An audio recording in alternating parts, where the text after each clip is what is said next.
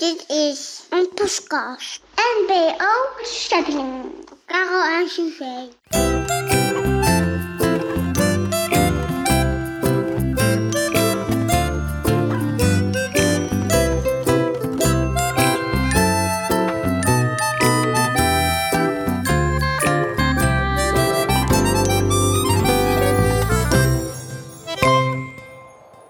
Pluisje keek zijn ogen uit.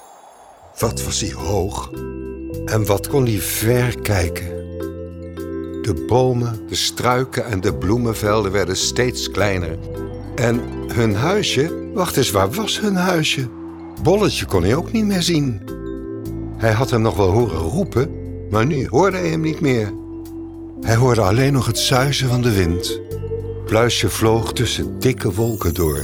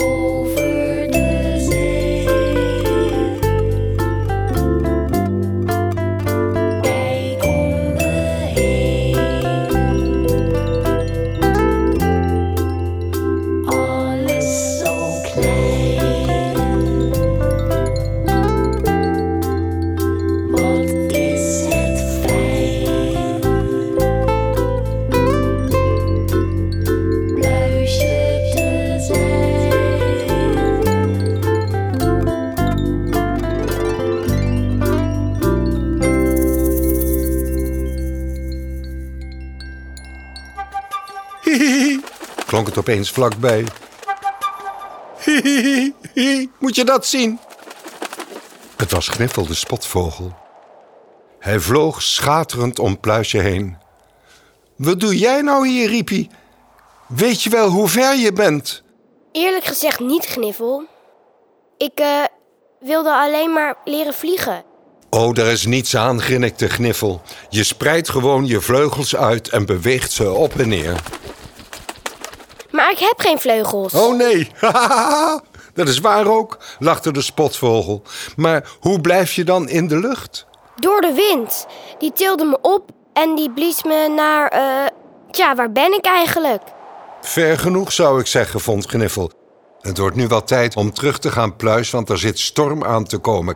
Kijk maar. Pluisje draaide zich om en ja hoor, een donkere donderwolk kwam recht op hem af. Ik weet alleen niet hoe ik thuis moet komen, Gniffel. Gniffel?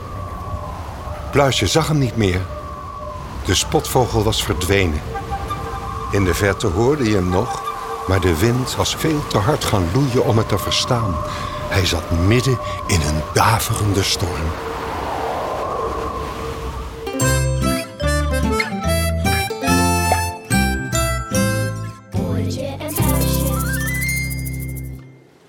Hoe lang Pluisje rondtolde en heen en weer geschud werd in de storm, hij wist het niet. Hij durfde zijn ogen pas weer open te doen toen de wind ging liggen. Door al het regenwater was hij steeds zwaarder geworden. Hij daalde en daalde steeds verder, tot hij met een kleine plof in een stapel bladeren landde. Pluisje krabbelde op en zag dat hij in een dicht begroeid bos terecht was gekomen.